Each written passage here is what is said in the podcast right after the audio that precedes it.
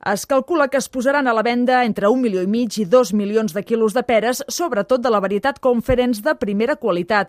Precisament els requisits de la denominació d'origen que estipulen una mida mínima del fruit limita aquest any per les gelades la quantitat de peres que podran arribar al mercat amb el distintiu de la DOP.